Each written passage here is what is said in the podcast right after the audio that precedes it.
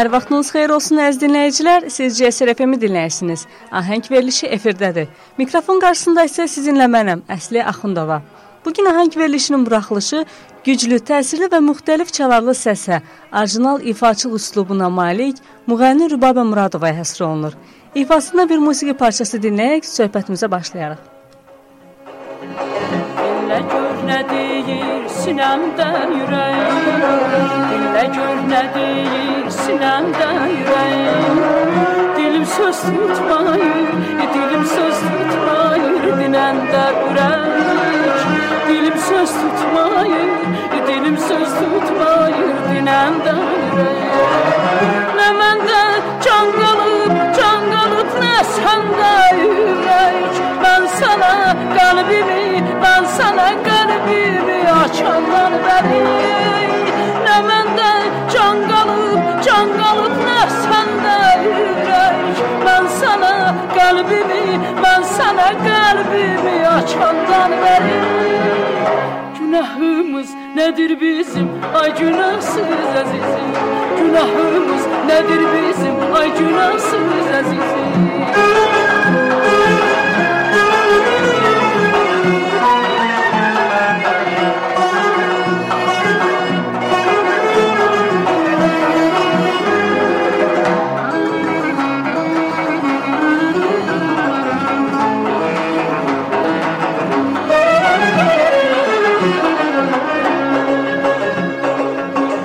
Dəyişik salmışam bahari qışlar. Dəyişik salmışam bahari qışlar. Çiçəyi çəmənlər, çiçəyi çəmənlər Qar yağışlar. Çiçəyi çəmənlər, çiçəyi çəmənlər Qar yağışlar. Sən mənim kalbime, kalbime birce bakmışlar Bir güneş ışığı, bir güneş ışığı. Saçmandan benim Sen benim kalbime, kalbime bir birce bakmışlar Bir güneş ışığı, bir güneş ışığı. Saçandan benim Sandığımız hani bizim ayan diken azizim. Və sandığımız hani bizim ayan dikən əzizim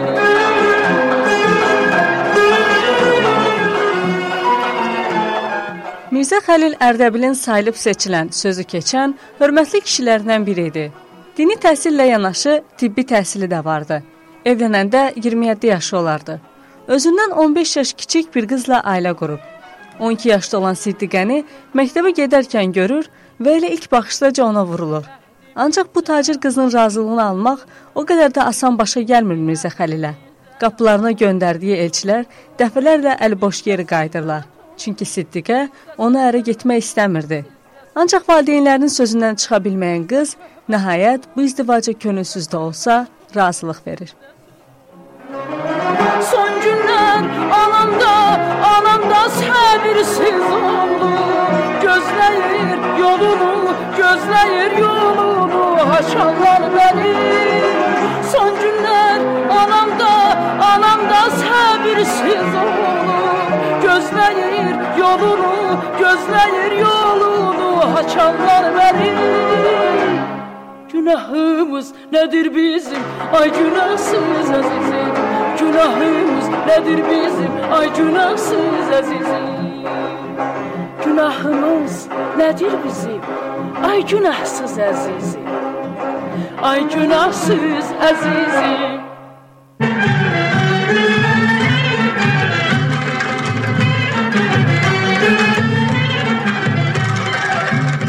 Rübabə bu ailənin ilk övladı idi. O 1933-cü il martın 22-sində doğulub. Ondan sonra daha iki qardaşı və 4 bacısı anadan olur. Mirzə Xəlilin əsas istəyi övladlarını savadlı, təhsilli görməkdir. Özü uşaqlarına vurma cədvəlini öyrədirdi. Dərsdən iki alanda onlardan küsüb danışmırdı. Təhsilin nə qədər önəmli olduğunu bildiyinə görə də Rübabəni məktəbdən yayındırmır. Rübabə Ərdəbildə qızlar məktəbində təhsil alırdı. Bəzən hətta məktəb konsertlərində, tamaşalarda çıxış edirdi. Bu dövrün qayda qanunlarına zidd olsa da, bəzən hətta qohumları tərəfindən qınansa da, atası Rubabənin səhnəyə çıxmasına etiraz etmirdi. Axı Mirzə Xəlil özü də yaşadığı ölkənin siyasi rejimi ilə, qayda qanunları ilə razılaşmırdı. Elə ona görə də Pişəvər hərəkatına qoşulmuşdu. Hərəkatın ən aktiv iştirakçılarından biri idi. Hicran ürək yaralar, kipriklərim yorulur, gözlərim yol çəkər. Yar qəlbini yaralar, hicran ürək yaralar, kipriklərim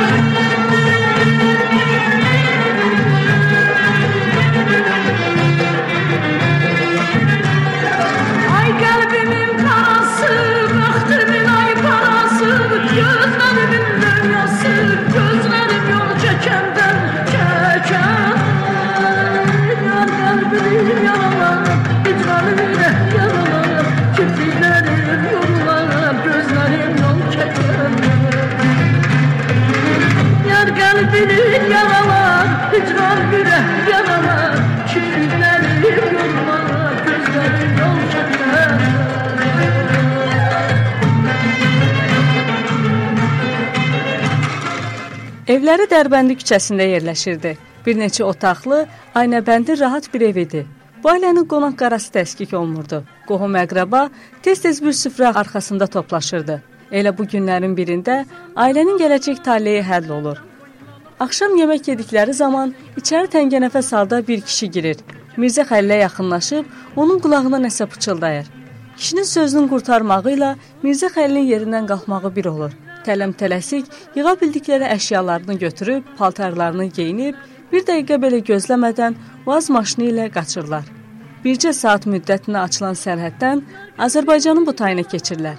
Beləliklə 1946-cı ildə siyasi mühacir ailəsi olaraq doğma torpaqlarını tərk etmək məcburiyyətində qalırlar.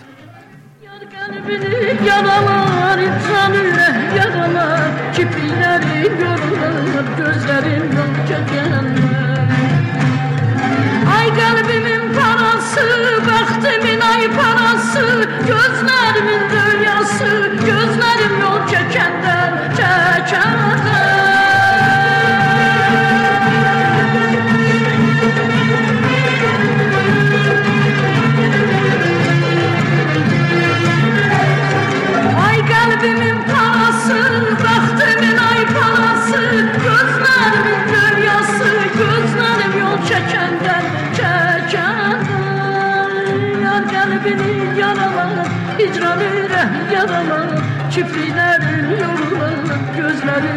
Gözlərim yol çəkəndə.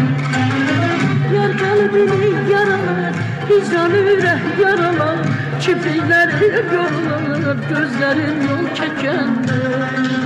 Gözlərim yol çəkəndə, gözlərim yol çəkəndə.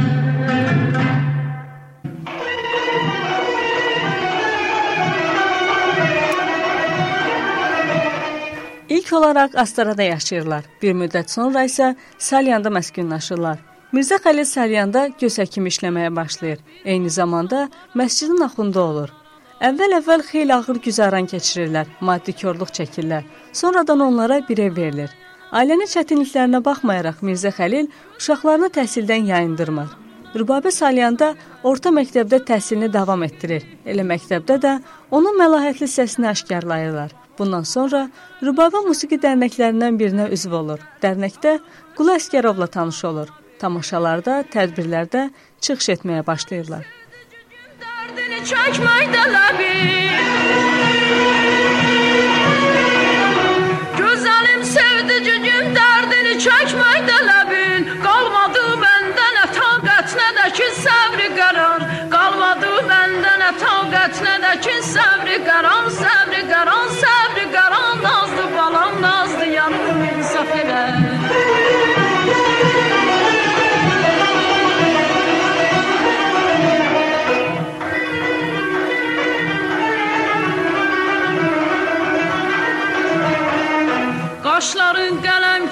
kipriklərin oxdu sənin Həsrətindən ölürəm, yar xəbərin yoxdur sənin. Gözlərim gördü sənin, sevdi onu yandı könül.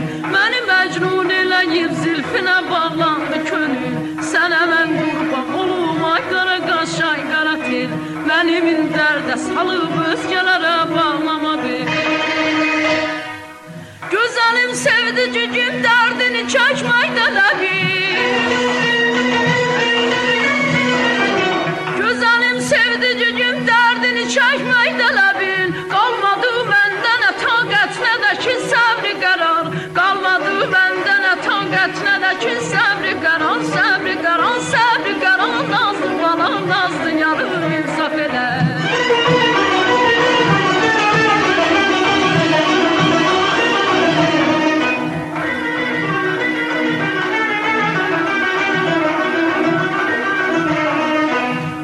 Baxışın candan alır gül yanağına yədəyər Yar sənin bircə sözün bütün bu dünyaya dəyər. Can deyək can eşidək könlü cavan qəlbi təmiz. Belə xoş günlər içində yaşayan gül kimi biz. Sənə mən qurban olum ay qara qaş ay qara tel Mənim dərdə salıb özgələrə bağlama bil Bir dəfə dram teatrının aktyorları Salyana qastrol'a gəlirlər. Onların arasında Ələsgər Ələkbərov da vardı. Rubabənin o vaxta qədər adını eşitsə də, üzünü görmədiyi məşhur aktyor. Vaqif tamaşasını oynamalıdılar. Ancaq tamaşanın başlanmasına az vaxt qalmış deyirlər ki, Xuramanı oynayan aktrisa xəstədir. Səhnəyə çıxa bilməyəcək. O aktrisanı əvəz eləmək Rubabəyə həvalə olunur. Beləliklə, Rubabə ilk dəfə 16 yaşında peşəkar aktyorlarla eyni səhnəni paylaşır. Aktyorluğu olmasa da gözəl səsi vardı Rubabənin. Xuramanın özünü qaydan atması səhnəsində bir bayatükür ifa edir ki, tamaşa, obraz yaddan çıxır. Düz 20 dəqiqə oxuyur.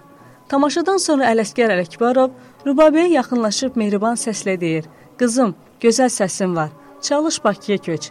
Filarmoniyaya sənin kimi səsli müğənnilər lazımdır." O gecə səhərəcən Rubabənin gözünə yuxu getmir.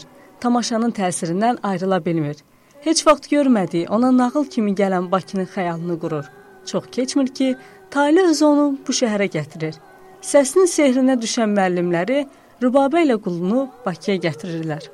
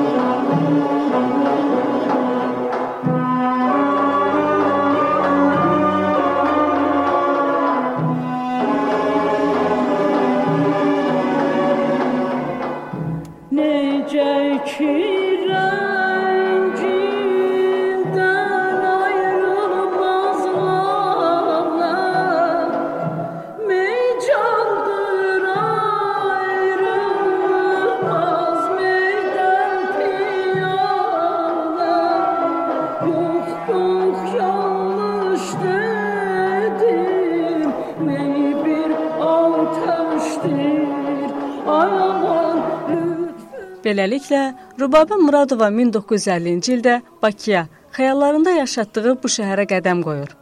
Asər Zeynallı adına musiqi məktəbinin muğam şöbəsində təhsil almağa başlayır.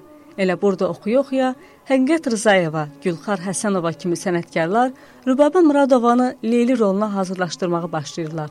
Rübabə hələ tələbə ikən opera və balet teatrının səhnəsində ilk dəfə Leyli kimi görünür. Məktəbi bitirəndən sonra isə burada işə götürülür. Leyli, Əsli, Ərəb Zəngi, Şah Sənəm, Sənəm kimi partiyaları ifa edir. Teatrın solisti olmaqla yanaşı, həm də muğam, təsnif və xalq mahnılarının mahir ifaçısı kimi bütün ölkədə tanınıb, sevilməyə başlayır.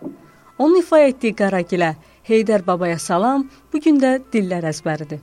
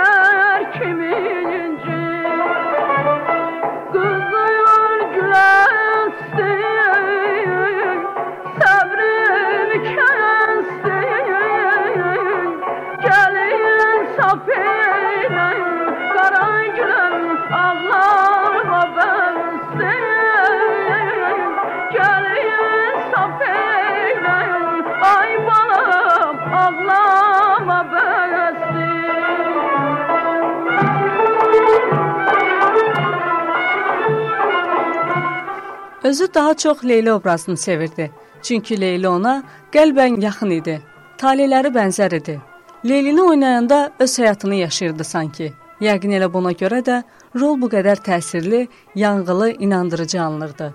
Bu rolu o qədər çox sevirdi ki, hər sənətçinin ifasını da bəyənmirdi. Deyirdi, xətirlər xətrinə Leyli oynamazlar. Leylinin həyatını yaşamaq lazımdır. Aylar küçələrin dolaba dolan, qara güləm dolaba dolan. Sən ki məni sevmədin, gedər dolan, qara güləm gedər.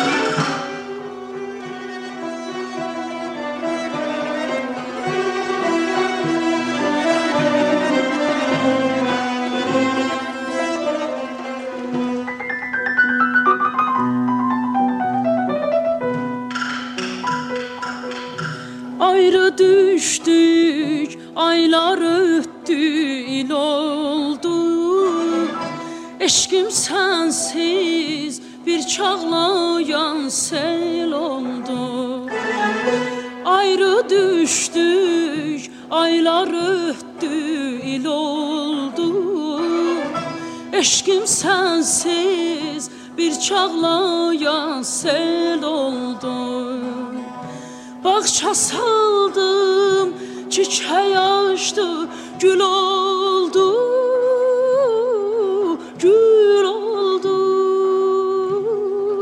Niçin seni ve sonu da bilmirəm Niçin səni və sonu da bilmirəm Onu da bilmirəm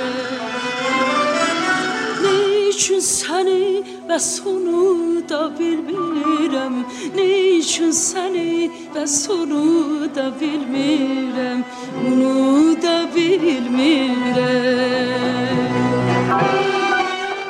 Rübabə nəinki səhnədə, həyatda da Leylinin həyatını yaşayırdı. Bu sözləri Rübabə Muradova sənətinin davamçısı, sənətçinin özündən 19 yaş kiçik bacısı müğənni Tahirə Rübabi deyir. Danışır ki, Rübabənin bir sevdiyi oğlan vardı. İkisi də bir-birini çox sevirdi. Amma oğlan ailəsi məhz Rübabə müğənni olduğu üçün onların evlənməsinə icazə vermir. Bir müddət sonra Rübabə sevmədiyi bir şəxslə ailə qurmalı olur. Hər iki ailə hələ İranda yaşadıkları zaman bir-birini tanıyırdı. Xəlil İranda həbsxana rəisi işləmişdi. Bakıda isə məktəb direktoru idi. Rübabəni hələ Ərdəbildə görüb bəyənmişdi. Bakıda görəndə isə ona aşiq olur və ailə qurmağa qərar verir. Ailələrin razılığı təkidi ilə Rübabə də bu izdivaca hədmək məcburiyyətində qalır. Bu o zamanlar idi ki, Rübabə artıq Bakıda təhsil alırdı və səhnəyə çıxırdı. Ancaq çox gözəl və gənc həyat yoldaşının yüzlərlə tamaşaçı qarşısında çıxış etməsi Xəlilin heç də ürəyincə olmur. Rübabəni gündən-günə daha çox qısqanmağa başlayır. Bu qısqanclıq getdikcə daha da artır və ailədə söz-söhbətlər, mübahisələr yaradırdı. Bütün bu əsası olmayan qısqanclıq səhnələrinə dözə bilməyən və bezən Rübabə Muradova ərindən ayrılmaq qərarına gəlir. Övladının doğulmasını gözləmədən belə. O sevmədiyi bir şəxsin səhnəni tərk et istəyəni yox, çox sevdiyi sənətini üstün tutur. Az sonra ilk qızı Qəmər dünyaya gəlir. Onu da anası Siddiqə xanım saxlayıb böyüdür. Rübabə isə Bakıdakı həyatına, sənətinə tək-tənha davam edir. Onu da bilmirəm.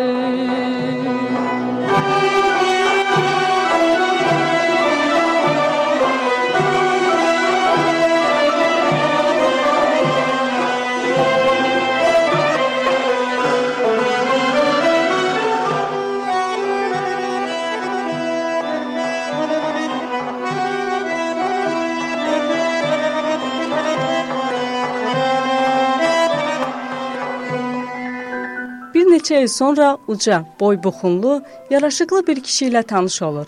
Tələt özü ticarətçi idi. Bir neçə dükanı var idi. Bacısı Şahnaz isə tar çalırdı. Onların tanışlığı da Şahnazın vasitəçi ilə keçmişdi. Bir neçə görüşdən sonra Rübabə onu sevən, özünü də olduqca bəyəndiyi Tələtlə ikinci dəfə ailə qurmaq fikrini qətiləşdirir. Bu izdivacdan da müğənninin bir qızı dünyaya gəlir. Şahnazın adını qızına qoyur. Ancaq zaman getdikcə getdikcə bu ailədə də problemlər yaranmağa başlayır. Rübabənin məşhurluğu, pərəstişkarlarının sayı artdıqca Tələtin də qısqanclıq hissləri böyüməyə başlayır. Yerli yersiz, olur olmaz hər şeyə yoldaşını qısqanır. Hətta qısqanclıq gözünü o dərəcə kör, kör edir ki, gecə yatdığı yerdə Rübabənin uzun qara saçlarını kəsir. Tələtin bağla sığmaz hərəkəti Rübabənin səbr kasasını dolduran son damla olur. Bundan sonra Müğənni ikinci həyat yoldaşından da boşanır. Niçin səni və sonu da bilmirəm Niçin səni və sonu da bilmirəm Onu da bilmirəm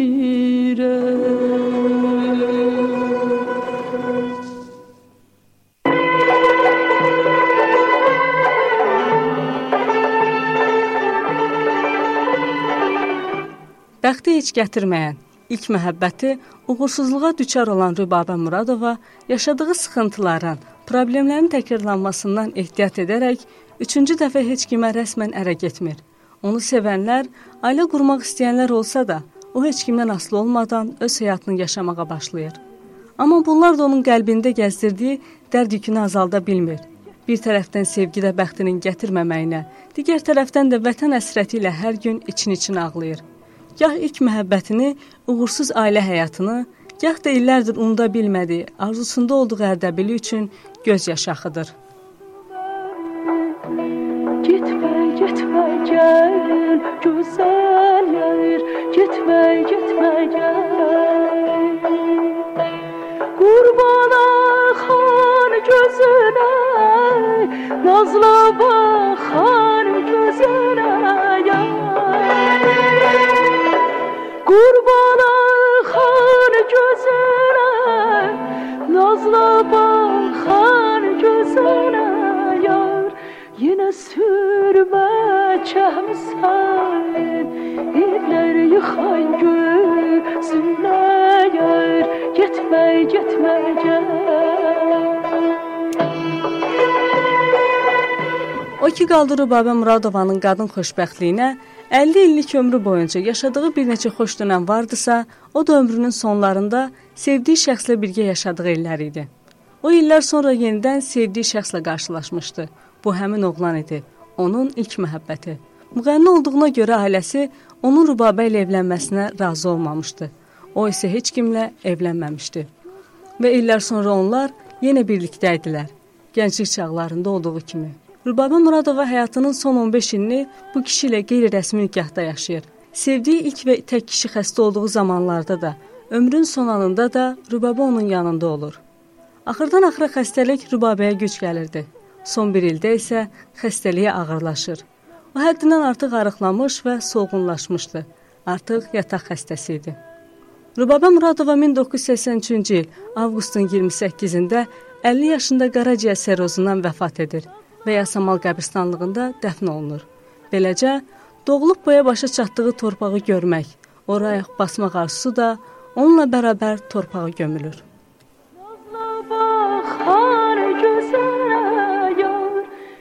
sürme çemsen İvler yıkay gözüne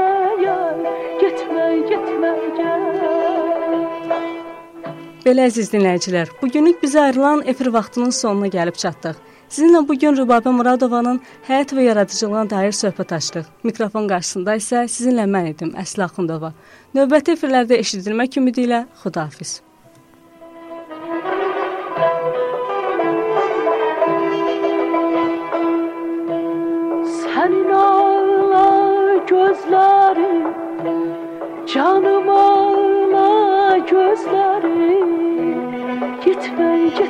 Gel Güzel yer Gitme gitme gel.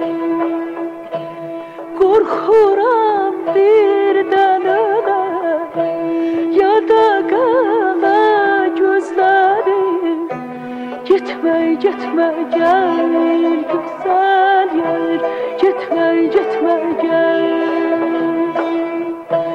Kurban Nazla bakar gözüne ya. Kurban akar gözüne Nazla bakar gözüne yar Yine sürme çemsen Evler yıkan gözüne yar Gitme gitme